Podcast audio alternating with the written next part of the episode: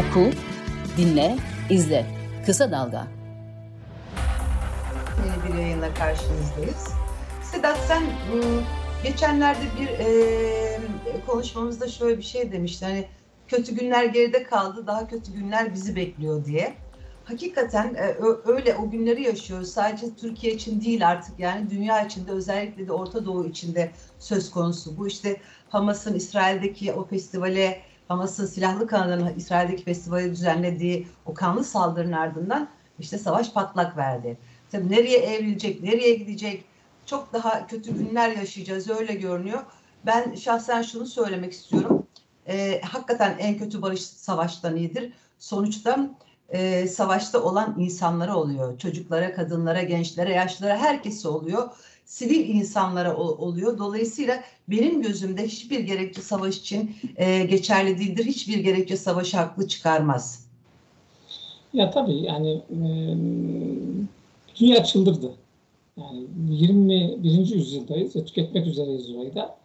Dünyanın çıldırdığına tanıklık yapıyoruz. Oysa ki medeniyet ilerledikçe insanlar daha huzur içinde olacaklar, daha mutlu yaşayacaklardı. Çünkü teknolojik gelişmelerde insanların hayatlarını kolaylaştırıyordu. Evet. Bize öyle söylemişlerdi. Bizim de öyle beklentimiz vardı. Gel ki e, Hollywood'un bilim kurgu filmleri farklı farklı şeyler anlatıyordu bize ama onlara biraz daha uzağız galiba. Yani dünya savaşmadan duramıyor. Bir savaş ekonomisi var. Onu bir kabul etmek lazım. Yani bu kapitalizmin ürettiği, tıkandığı yerde devreye soktuğu bir savaş ekonomisi var. Yani şöyle bir hatırlatma yapalım. Hani bir komplo teorisi olarak e, anlama lütfen. Tabii ki. E, Körfez ülkelerine varilini 150-160 e, dolardan petrol sattırdılar. Ve çok çok iyi para kazandırdılar. Bu para kazanılan parayı onlara yedirmediler. Bir Büyük Ortadoğu Projesi diye bir projesi başlattılar. Bizim muhafazakar arkadaşlarımız da hopladı zıpladılar. O ne güzel eş başkanız yanımızda da Amerika var. Çünkü evet. yanında Amerika'yı gördükleri zaman Amerika ile aynı parantez içinde isimleri geçtiği zaman bizim muhafazakarımız sağcımız acayip mutlu oluyor. Aynen onu yaşadık ve oralardaki savaşlarla bizzat Amerika gitti oraya müdahil de oldu. Parası karşılığında müdahil oldu.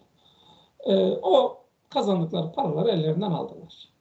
Çünkü o dönem dünyada bir ekonomik kriz vardı. 2008, 2009, 2010. E, ekonomik kriz durgunluk yaratmıştı. Yani durgunlukta ekonomik krizdeki insanlara buzdolabı çamaşır makinesi satamazsınız. Hiçbir şey satamazsınız. Yani araba da satamazsınız. E, hatta parasını harcayacak e, ekstra yani yaşamını sürdürmenin dışında herhangi bir üründe satamazsınız. E, bu, bu, burada ne yapacaksınız? Paraya ihtiyacınız var. Parayı siz buralardan bulursunuz. Yani dünyada örneğin e, uzun yıllar önce okumuştum. Şimdi sayısını çok hayal meyil hatırlıyorum. E, mayın üreten 3 ya da 4 tane fabrika var. Hı hı. Ve her sene mayın nedeniyle bacaklarını kaybeden, kollarını kaybeden çocuklar var. Bak insanlar söylemiyorum. Çocuklar var. Bu 3-4 tane mayın üreten fabrikayı kapattınız mı dünyanın mayın diye bir sorun olmuyor. Bu kadar basit bu iş. Silah için de aynısı. Yani bir bakıyorsunuz kendilerini terörle mücadele eden ülke olarak adlandırılan ülkelerin elindeki silahla mücadele ettikleri terör örgütlerinin elindeki silahlar aynı. Tabii. Yani şimdi bu savaş biter mi? Bitmez. Aynısını yaşıyoruz şimdi burada. Yani bütün mesele şu e, hani Orta Doğu'da İsrail diye bir sorun var. Yani bunu politik kimlikte bakarak söylemiyorum. İsrail karşılıklı bir şeyle söylemiyorum.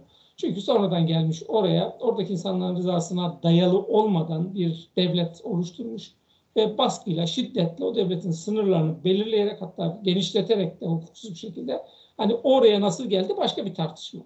Ee, ve bir orada hala varlığını sürdürmek isteyen bir e, ülke.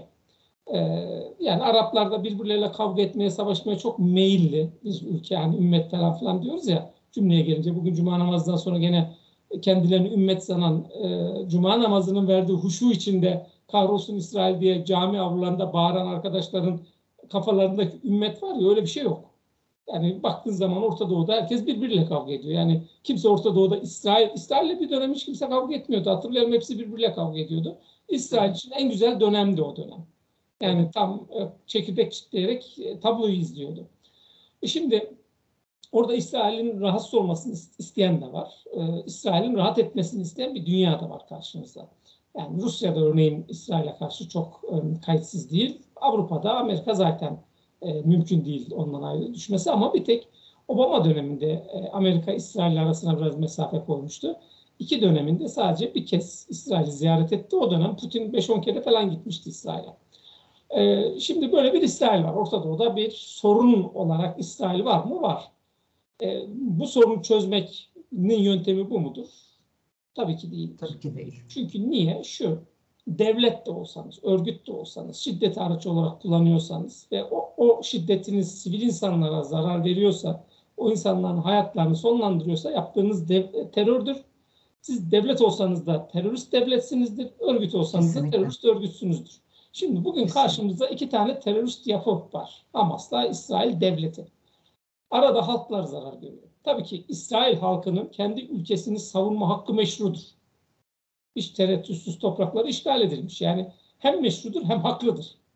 Burada hiçbir sorun yok. Ama burada yöntemi tartışmayacağız. Yani yöntemi tartışmazsak biz işgalci güç e, güçle aynı ahlaki düzleme gelmez miyiz? Doğru. Şimdi burada ama yöntem bu değil. Yani orada festival için eğlenmeye gelmiş insanların yanına paraşütlerle gideceksiniz. Onlarca genç insan bir saat önce eğlenen, keyifli ve belki Filistin'in haklarını Filistinliler kadar savunan insanlar bilemiyoruz onları. Tabii.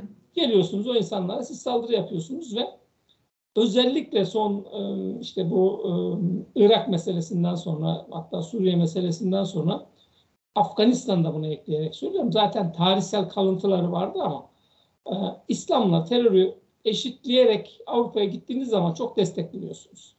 Şimdi çatışan tarafların bir tanesi bu kimliğe sahipse zaten Batı'nın tercihi hemen diğer taraf olarak karşınıza çıkıyor. Ve bunun suçunu Batı'ya yükleyemezsiniz. Yani kusura bakma yükleyemezsiniz. Hani Batı sevicisi değilim. Batı'nın iki yüzlülüğünü sonuna kadar eleştiren birisiyim. İsrail'in haklı olmadığını sonuna kadar söylüyorum. Ama bu ortaya çıkan Batı'nın bu tepkiselliği, bu gösterdiği refleks Batı'nın kendisinin ürettiği bir şey değil. Yani buranın malzemesini siz verdiniz. Afganistan'da verdiniz. Irak'ta verdiniz. Suriye'de verdiniz. İran'da halen veriyorsunuz. İşte şimdi de Gazze'de verdiniz. Bu kadar basit bir iş. Şimdi buradan nasıl çıkılır? Ee, hani Erdoğan çok seviyor bu işleri. Böyle bir şey olsa da ben hemen insanları arayayım diyor. O şey herhalde. E, telefonunun kontürü şey herhalde sınırsız, interneti sınırsız. Ar- arayabiliyor herkes yani çaldırıp kapatmıyor. Çok seviyor bu gibi şeyler. Hemen arabulucuya soğunuyor. Ben çözerim, ben ederim. Ukrayna'da çünkü ondan prim yaptı. Burada yapabilir mi? Yani sonuçta mecliste de hani dün dün değil artık yarın yayınlanacak. Önceki gün bir oturum yapıldı, gizli oturum yapıldı. Yani sonuçta herkes herkes dedim Türkiye'nin tavrı nerede durduğunu aşağı yukarı biliyoruz ama net bir tavır koyacak mı? Ee, yani işte zaten şunu da söylemeden geçemeyeceğim. En başta bu Hamas'ın yaptığı kanlı saldırıya Türkiye'de kimi kesimlerin tuttuğu alkış da dehşet vericiydi yani. Dehşet vericiydi. Ben hakikaten artık dedim ki herkes sen dünya çıldırmış diyorsun ama ben dedim ki herkes aklını yitirdi yani. Hakikaten aklını yitirdi. Dolayısıyla çok önemli görüyorum Türkiye'nin tutunacağı, tutacağı tavrı. Bir de tabii şu da var. Ee, bunun hem Avrupa'da etkisi olacak dediğin gibi Türkiye'de yaşayan Musevi insanlar da var ve onlar da büyük bir tedirginlik içerisinde. Tabii ya yani, yani bu, bu, bu, bu, bu ama yani memleket bu noktaya geldi, bu kıvama geldi. Yani bu 100 yıldır burada yoktu. Yani vardı ufak tefek şeyler ama daha sonrasında yapılanın ayıp olduğunu herkes kabul ediyordu. Şimdi yapılanın doğru olduğunu kabul eden insanlar ortaya çıkmaya başladılar. Sıkıntı o birazcık. Ee, şimdi senin dediğin doğru. Ee, hani Erdoğan'ın meselesi, meclisteki kapalı oturma, Türkiye'nin pozisyonu burada belli mi?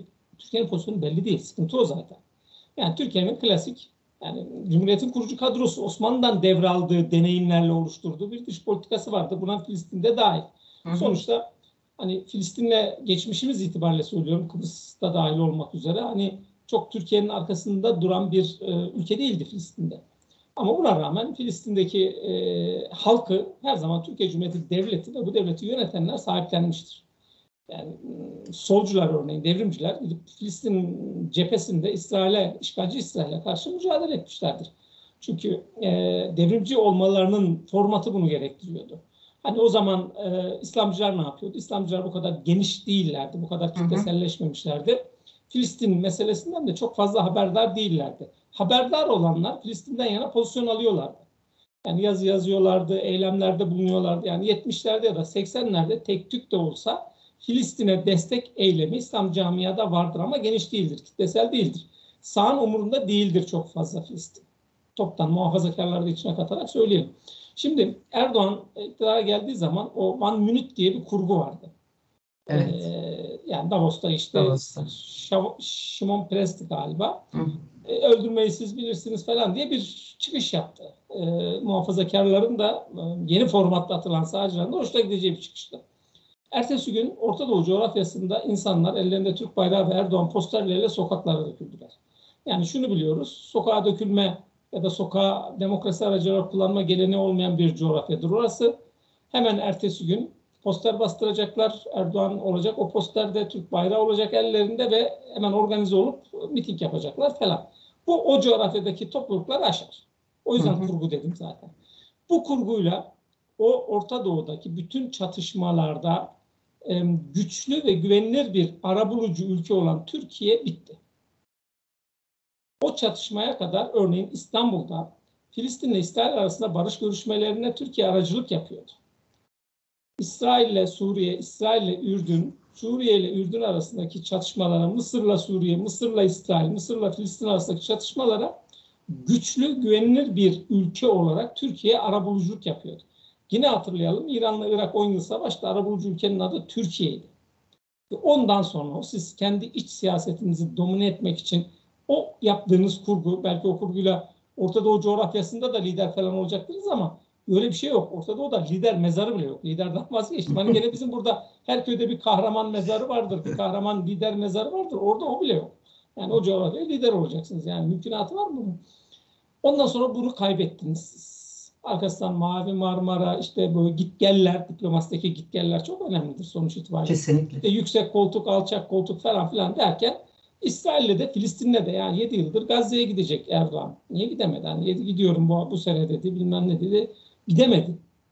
Ve bu hamlelerden sonra o gittiğiniz zaman size İzzet İkram'da bulunan Orta Doğu coğrafyası hangi ülke olursa olsun gidecek tek ülkeniz kaldı. Onun da adı Katar'dı. Şimdi sayıları hani Suudi Arabistan'la Birleşik Arap Emirlikleri'yle birazcık barıştık marıştık.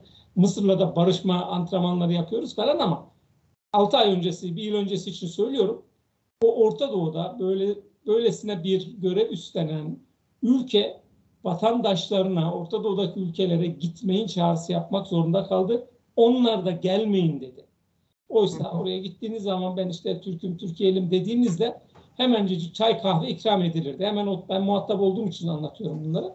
Hemen oturtur oraya karnın aç mı, karnın tok mu, nasılsın, iyi misin soruları arka arkaya gelirdi. E Şimdi siz böyle bir yanlış politika, iç siyaseti domine etmek için dış siyaseti araçsallaştırdığınız zaman, ekonomiyi araçsallaştırdığınız zaman bunların maliyeti çok büyük olur. Şimdi telefon üstüne telefon açıyorsunuz sağa sola. Ha, isterler mi Filistin'le İsrail? Ee, İsrail'in kafasında ne olduğunu bilmiyoruz. İsrail tabii ki barış istiyor Gazze çünkü toz duman olacak ama İsrail fırsat bu fırsat Ga- Gazze'yi dümdüz yaparım diye bakıyor mu? Bakıyor. Yardımcıları var mı? İşte uçak gemisi geliyor. Bu ne kadar Amerika iyiydi bak bir anda tekrar kötü oldu Amer- Amerika. Amerika'ya bak bu Filistin-İsrail meselesindeki aldığı tavırdan, savaş uçaklarından dolayı çünkü iç siyasetini negatif ekliyor Erdoğan'ın. 8 gün önce düşürülen İHA'nın, SİHA'nın hesabını bugün sormaya başladık. Ya.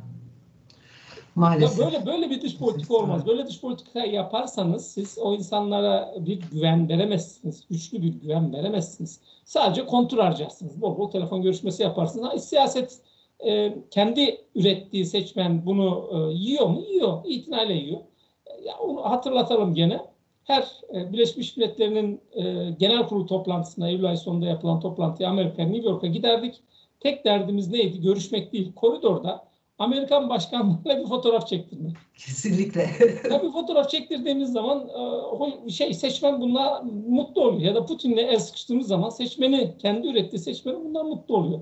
Yani acayip bir e, siyaset e, yöntemi bu. Yani böyle akılla, nizanla falan açıyorum. Sen dedin ya aklını kaçırmış falan. Yine bir yerde okudum. Şimdi yani kaynak veremeyeceğim kusura bakmasın.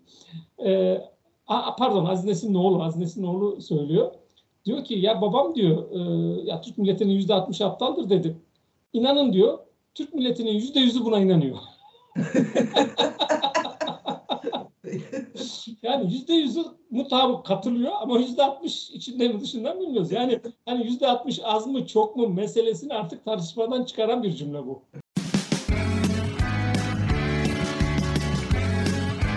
Oku, dinle, izle. Kısa Dalga.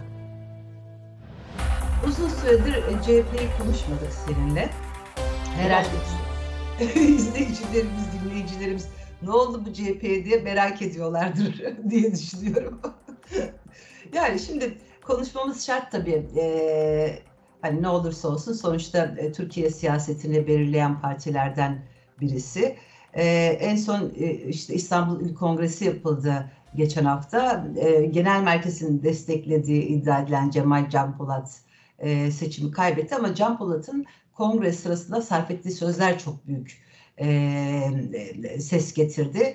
E, getirmekte de haklıydı. Çünkü söylediği sözler hakikaten çok e, ne diyelim yenilir yutulur değildi aslında. Yani CHP e, cephesinden baktığınız zaman. Sonuçta e, yani e, CHP'nin İstanbul il başka il e, belediye başkanı adayı olacak şu anda da belediye başkanı olan İmamoğlu'na e, resmen sağ siyaset yapmakla, AKP'den devşirdiği kişilerle belediyecilik yapmakla, e, İyi Parti kadrolarıyla işte sol e, solmuş gibi, sol siyaset yapıyormuş gibi yapmakla suçladı ve örgütü dışarıda bırakmakla suçladı. Hatta CHP'lilerin iş bulmak için CHP'den istifa edip e, İyi Parti'ye geçtiğini söyledi ve bunu tabii çok ağır cümlelerle sarf etti. E, e, İmamoğlu'nun tepkisi de belliydi. Terk etti şeyi ve çok çirkinleştiklerini söyledi. Kongre salonunu terk etti.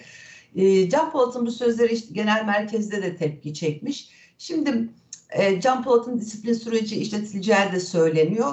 Fakat şöyle bir şey var. Şimdi bu, bu hakikaten e, seçime giderken bu sözler e, ben duyduğum zaman dedim ki tamam yani hani daha önce de seninle konuşmuştuk. E, yani AKP'nin bir şey yapmasına gerek yok. CHP zaten kendi kendini bitiriyor. Bu hakikaten bir, bir, bir bitişi çok hızlandıran bir cümle, bir söylem oldu. Fakat şu, sonra şu da aklıma geldi. Şimdi e, eski il başkanı Canan Kaptancıoğlu'nun son dönemlerde İmamoğlu ile arasında açıldığını da biliyorduk. Kaptancıoğlu bu sözlerle dile getirmese de kapalı kapılar ardında işte İmamoğlu için beton kafa dediğini biliyoruz. Birkaç ay önce Fatih Altaylı'ya verdiği bir, sö- bir söyleşide e, İmamoğlu'nun genel başkan adaylığına sıcak bakmadığını belirtmişti ve hani bir birikim olduğundan söz etmişti. Tutulmayan sözler, bağlı kalınmayan ilkeler olduğunu söylemişti. Birçok birikimin üst üste geldiğini söylemişti. O zaman da merak etmişim aslında ne, ne oluyor yani hani İmamoğlu'na e, Kaptancıoğlu'ndan itibaren bir e, parti içerisinde bir tepki var aslında. E, ama Can Polat bunu çok daha e, farklı bir şekilde ifade ettiği için hem parti hem seçim dönemi seçimde de partiye zarar verecek şekilde ifade ettiği için başka bir boyut kazandı. Şimdi CHP'de ne olacak? Hep zor soruları bana soruyorsun yani. Evet. İyi Parti'yi bana soruyorsun, CHP'yi bana soruyorsun. Ya Kolay soru yok. ya şey, müthiş bir savunma var CHP'de. CHP içine kapanmış vaziyette ve siyaset yok CHP'de. Evet. Yani e, siyasetin muhalefet alanı tamamen boş. Gündem belirleyemiyor, gündem yaratamıyor. Toplumsal muhalefete önderlik, önderlik edemediği gibi toplumsal muhalefetin de önünü tıkıyor. Kesinlikle. Bu, bu, bu, bu konjonktürde, bu tabloda bir e, kendi iç mücadelesi, iktidar mücadelesine girişmiş vaziyette ve bütün enerjisini buraya harcıyor. Burada üç yanlış bir doğru yapmıyor. Bir, İstanbul Kongresi üzerinden bakalım. Çünkü niye İstanbul Kongresi önemli? Genel merkezde işte kendilerini kavramsal olarak, değişimci olarak tarif eden e, yapı ilk kez karşı karşıya geldi. Net bir şekilde karşı karşıya geldi. Hani e, CHP'de parti içi mücadele çok normaldir, doğaldır, olmaması eksikliktir. Ama bir genel başkan adayı ortaya çıkar. Parti içinde organize bir örgütlenme e, gerçekleştirir. Mahalle delegelerinden itibaren ilçe kongreleri, il kongrelerinde hem başkan adaylarıyla hem delege listeleriyle yarışır. O yarışı kurultaya taşır. Ve kurultaya geldiği zaman biz biliriz. İşte e, Ayşe Yıldırım'ın kaç il başkanı var, kaç ilçe başkanı var, kaç delegesi var. Bu kongre zemininde ne yapabilir? İşte Baykalcılar böyleydi, sol kanat böyleydi, genel merkez yönetimi böyleydi. Şimdi bunlar yok. Yani ıı, kavramsal bir at üstünde değişimciler diye Kemal Kılıçdaroğlu'nun karşısında pozisyon almış isimler var. Bunların tamamı örneğin Özgür Özel'i mi destekliyor, Ekrem İmamoğlu'nu mu destekliyor, e, İlhan Cihaner'i mi destekliyor yoksa Önsar Ömer mi? Bunları bilmiyoruz. Kategorik olarak bunları ayıramıyoruz biz. Şimdi İstanbul Kongresi'nde bir, hani genel merkez taraftarları da dahil olmak üzere söylüyorum, bir değişim, yenileşme olduğunu onlar da dile getiriyorlar. Ve bu kurultayında bu işe yarayacağını da söylüyorlar. E karşınıza iki dönem öncesinin e, il başkanıyla e, çıkıyorlar. Ya bu değişim değil, bu yenileşme değil. Birinci hata bu. İkinci hata İstanbul'daki CHP'nin tek öyküsünün adı Ekrem İmamoğlu'dur. Kesinlikle. Siz arkadaşlarınızla dost sohbetlerinde yapacağınız sohbeti il kongresinin kürsüsünde yapamazsınız. Yapmamanız gerektiğini bilecek bir siyasi deneyime sahipsiniz. Bunun yeri orası değil. Oradaki delege şunu dinlemeye geldi. İstanbul'u gene Ekrem Başkan'la çünkü aday Ekrem İmamoğlu'yla tekrar alacağız hem de açık farklı alacağız ve bu iktidarımızı biz genele taşıyacağız. Ee, her şey iyi olacak. Şu umut istiyor oraya gelen insan. Yani oraya gelen insan da en az senin kadar İstanbul Büyükşehir'in olumlu olumsuz ne varsa bunu biliyor. Yani onlara anlattığınız zaman bunlar aa gerçekten mi diyecekler değil orada. Oraya gelene kadar CHP içindeki muhtelif parti yarışlarından, parti mücadelelerinden geçerek geldiler. Yani. Hiç partiyi bilmeyen biri olsa bile hızlandırılmış kurs gibidir. İlçe kongresi ve delege olarak seçilme süreci. Yani hepsi biliyor bunu. Kötü bir konuşma. O kötü konuşma nedeniyle ben söylüyorum zaten. E, o kongrenin kaybeden tek kişisi Cemal Can Polat'tır. Kazananı yoktur, kaybedeni tek kişidir. Ama kendisi kaybetmekle kalmamıştır, bir de dengeleri de bozmuştur. Şimdi oradaki hani İstanbul Kongresi neye tekabül ediyor? İşte 196 delegeyi cebinize koyduğunuz zaman kurultayda e, bir adım önde başlıyorsunuz yarışa. Bu önemli yani en azından 196 delege var cebinizde. Öyle mi? Şimdi sıkıntı sorun orada başlıyor birazcık. E, çünkü e, Özgür Özel İstanbul Kongresi'ne müdahil değil. İstanbul Kongresi'ne müdahil olan kişi İstanbul Büyükşehir Belediye Başkan adaylığını açıklayan Ekrem İmamoğlu. Hı hı. E, Yani delegenin çoğalması Ekrem İmamoğlu'nun adaylığıyla ilgili bir şey değil. Bir sonuç doğuracak bir şey değil. Durum değil. Durum yaratmıyor. E, Şimdi bu 196 delege Özgür Özel'e oy verir mi vermez mi bundan emin değiliz. Kesinlikle. Ekrem İmamoğlu genel başkan adayı olsa başka bir zeminde tartışırız. Başka bir biçimde tartışırız. 196'nın kaçı Ekrem İmamoğlu'na oy verir, kaçı Kemal Kılıçdaroğlu'na oy verir diye tartışırız. Şimdi bunların kaçının Kemal Kılıçdaroğlu'na kaçının e, Özgür Özel'e oy vereceğini bilmiyoruz. Yani o yüzden İstanbul e, delegesinin e, niceliği, çünkü orada sıkıntılı bir de nitelik var. Bütün Evet. delegelerde o nitelik sıkıntılı, onu da bir konuşmak lazım. E, çünkü niye? E, Erdoğan Toprak işte yıllardır Kemal Kılıçdaroğlu'nun e, kurmayıydı ama Özgür Çelik'i destekledi. Ve bunu yaparken de dedi ki ben Ankara'da, Kurultay'da Kemal Kılıçdaroğlu'nu destekleyeceğim, İstanbul'da Özgür Çelik'i. Şimdi bu ben benzetme yaptım, tekrarlayayım burada. Hı hı. Bu derbi maçında hem Galatasaray'ı hem Fenerbahçe'yi tutmak gibi bir şey. Ya böyle bir şey olmaz. Siyaseten mantık, e, siyasi mantık buna izin vermez. Bunu niye söylüyorum? İstanbul'da oluşan delege Kemal Kılıçdaroğlu'nun karşısında yer almak için, pozisyon almak için oluştu. Evet. Hani Özgür Özel'e oy vermek e, için oluşmamış olabilir. Ekrem İmamoğlu'na hani aday olmayacağı için oy vermeyeceğini bilerek oluşmuş olabilir ama o listenin varlık nedeni Kemal Kılıçdaroğlu'na karşıtlık. Şimdi Kemal Kılıçdaroğlu'na karşıt bir listeyi oluşturup gelip Ankara'da Kemal Kılıçdaroğlu'nun taraf olmak politik olarak bir mantığa işaret etmiyor. Yani bu, bu, bu, bu sıkıntılı bir durum. O nedenle kategorize kategorik olarak biz e, İstanbul delegesi blok olarak şuna oy verir buna oy verir diyemiyoruz. Yani Yok diyemeyiz. kurultay salonunda bu ortaya çıkacak. Eskiden Ee, ama dediğin gibi bilirdik yani hani Tabii, o listeden bilirdik. Yani yüzde doksanı böyle oy verecek diye çok rahat söyleyebilirdik. Çünkü dediğin gibi belliydi, belliydi tavırlar, taraflar. Şimdiki gibi hani em, altı da doldurulmayan bir gruplaşmalar da yoktu. Altı az yani öyle ya da böyle doldurulan bir tanımlamalarla gidilirdi kongrelere, kurultaylara. Evet, pardon. Ya yok tabii yani bir de hani Kemal her zaman için genel merkez yönetimine karşıt üyeler, delegeler vardır. Bütün partilerde vardır. AK Parti'de de var ama onlar gıklarını çıkaramıyorlar. yani örneğin Meral Akşener blok liste çıkarmasaydı, şarşaf liste çıkarsaydı listesi delinecekti. Belki 5, belki 10. Daha öncesinde 4 tane delinmişti. Evet. Şimdi bu, bu e, genel merkez diyorum çünkü sen genel başkan demiyorum çünkü e, genel başkanlar bir kadroyla ortaya çıkıyorlar. Bazen kadroya duyulan tepki bir anda genel başkana yöneliyor.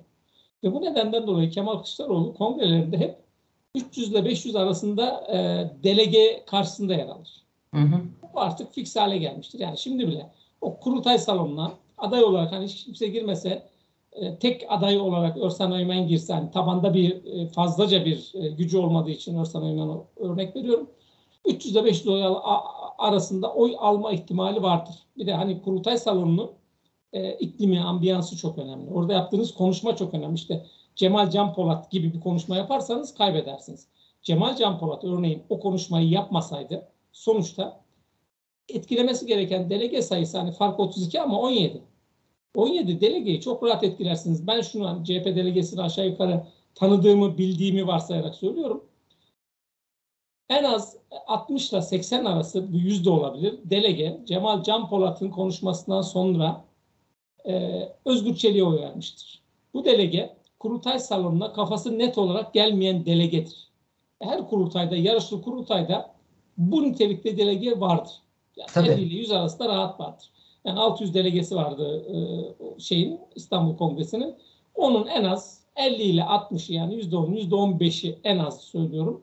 Kafası karışık, kafası net olmayan bir şekilde o kongre salonuna geldi. Cemal Can Polat o konuşmayı yapınca Özgür Çelik'e gitti oyunu verdi. Ve bu 17 e, delegeye bakıyordu sonucu değiştirmek. 17. Çok büyük bir rakam değil bu. Kesinlikle. Ee, şimdi kurultay salonunda da aynısı olabilir. Yani genel başkanın adaylarından bir tanesinin yanlış yapacağı konuşma karşı tarafı avantajlı hale getirebilir. Bu kurultay, CHP'nin bu kurultayı e, işte bir aydan daha az bir zaman kaldı. Gerçekten bir CHP açısından da e, çok öngörülebilir bir kurultay değil. Yani bu anlamda bir sonucu itibariyle söylüyorum. Hani hep şeye tarihi bir görüşme, tarihi bir kurultay falan derler ya. Değil öyle bir kurultay değil. Sonuçları itibariyle, sonuçları itibariyle tarihi bir kurultay olabilir. Hmm. Peki bu İstanbul seçimlerinde e, Can Polat'ın sözleri nasıl etki eder sence? Yani zaten hemen tabii ki verirsen malzemeyi kullanır karşındaki. Nitekim kullandılar da yani. E, hatta ben şöyle düşündüm yani bunları söylüyorsa hani sadece e, de, delegelerden oy almak için belediyeleri e, insanları işe almakla suçlu. Bunun için bunun için bile mesela bir soruşturma konusu yapılabilir. E, dolayısıyla burada e, kendi ayağına sıkmış oluyor. Yani CHP'nin kendi ayağına sıkmış oldu Cemal Can Polat. Bunun bir seçimde de etkisi olacaktır diye düşünüyorum. Ya yok çok fazla olmaz. Bunu unutulur çünkü bir parti kongresinde dile getirilmiş cümleler bunlar. Çok dışarıya taşınmaz. Hani iktidar bunun üstünde tepinir mi? Bunun üstünde çok fazla tepineceği kanısında değilim. Çünkü aynı sıkıntı iktidara ait belediyelerde de yaşanıyor.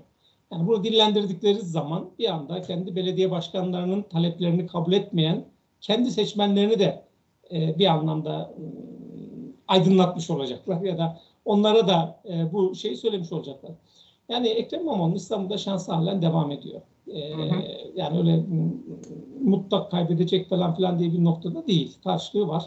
E, işte becerebilirsem bu pazar biraz AK Parti kulisiyle bunları yazacağım e, yazmaya çalışacağım daha doğrusu bazen zor oluyor bu işler.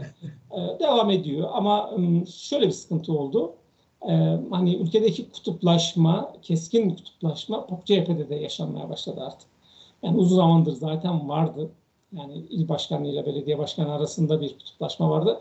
Burada çünkü e, sıkıntı şu hani biraz önce delegelerin niceliğinden daha ziyade niteliğini konuşmamız lazım derken e, belediyeler örgütlerin üstüne karabasan gibi çökmüş vaziyetteler.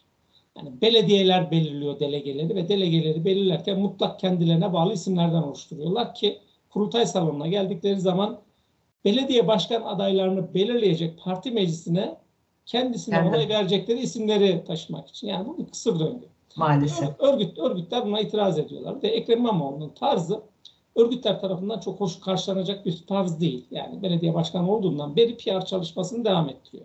Yani örgüt disiplinine bağlı olarak bir çalışma, bir faaliyet yürütmüyor. Yani bir bakıyorsunuz Erzurum'da miting yapıyor, bakıyorsunuz e, şeyde Trabzon'da, bir bakıyorsunuz Diyarbakır'da. Yani bu parti e, disiplininde, parti hiyerarşisinde sıkıntıya sokuyor. Yani bizim en, en çok kızdığımız mesele işte bizim mücadele ettiğimiz gazeteciliği simgeleyen isimleri otobüsüne dolduruyor, Trabzon'a götürüyor. Kesinlikle. İtiraz ettiğimiz zaman da vız gelir, tırıs gider diye bir danışmana açıklama yapıyor. Yani e, kusura bakmasın ve bunu bu, bu, bunu hala devam ettiriyor. Yani bunu halen devam ettiren bir anlayış orada. E, şimdi hani biz gazeteci olarak itiraz ediyorsak örgütlerin de itiraz etmesi normaldir ama burada genel merkezin bir irade ortaya koyarak bunları ortadan kaldırması lazım. Ama yapabiliyor mu? Yapamıyor. Kemal Kılıçdaroğlu'nun bir e, son dönemde özellikle bir e, parti yönetmekteki e, sıkıntısını tanıklık yapıyoruz. CHP yönetilemediği için de zaten bir muhalefet yönetilemiyor, muhalefet bloğu yönetilemiyor. Şimdi çok ciddi bir e, yerel seçime giriliyor. Yani bu yerel seçim için yine bir tarihi cümlesini kullanabilirim. Çünkü sonrasında memleketin başına neler geleceğini kestiremiyorsunuz. Burada bir direnç hattı oluşturursanız ancak e, iktidar partisinin elinin rahatlığını e, engelleyebilirsiniz. Ya da işte vatandaş üzerinden yapacağı, e, uygulayacağı işte acı reçeteler, kemer sıkma projelerini direnebilirsiniz. Başka türlüsü olmaz. Evet.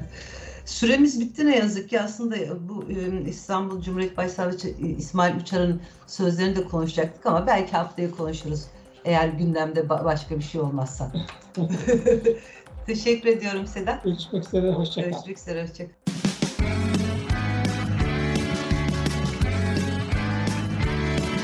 Kulağınız bizde olsun. Kısa Dalga Podcast.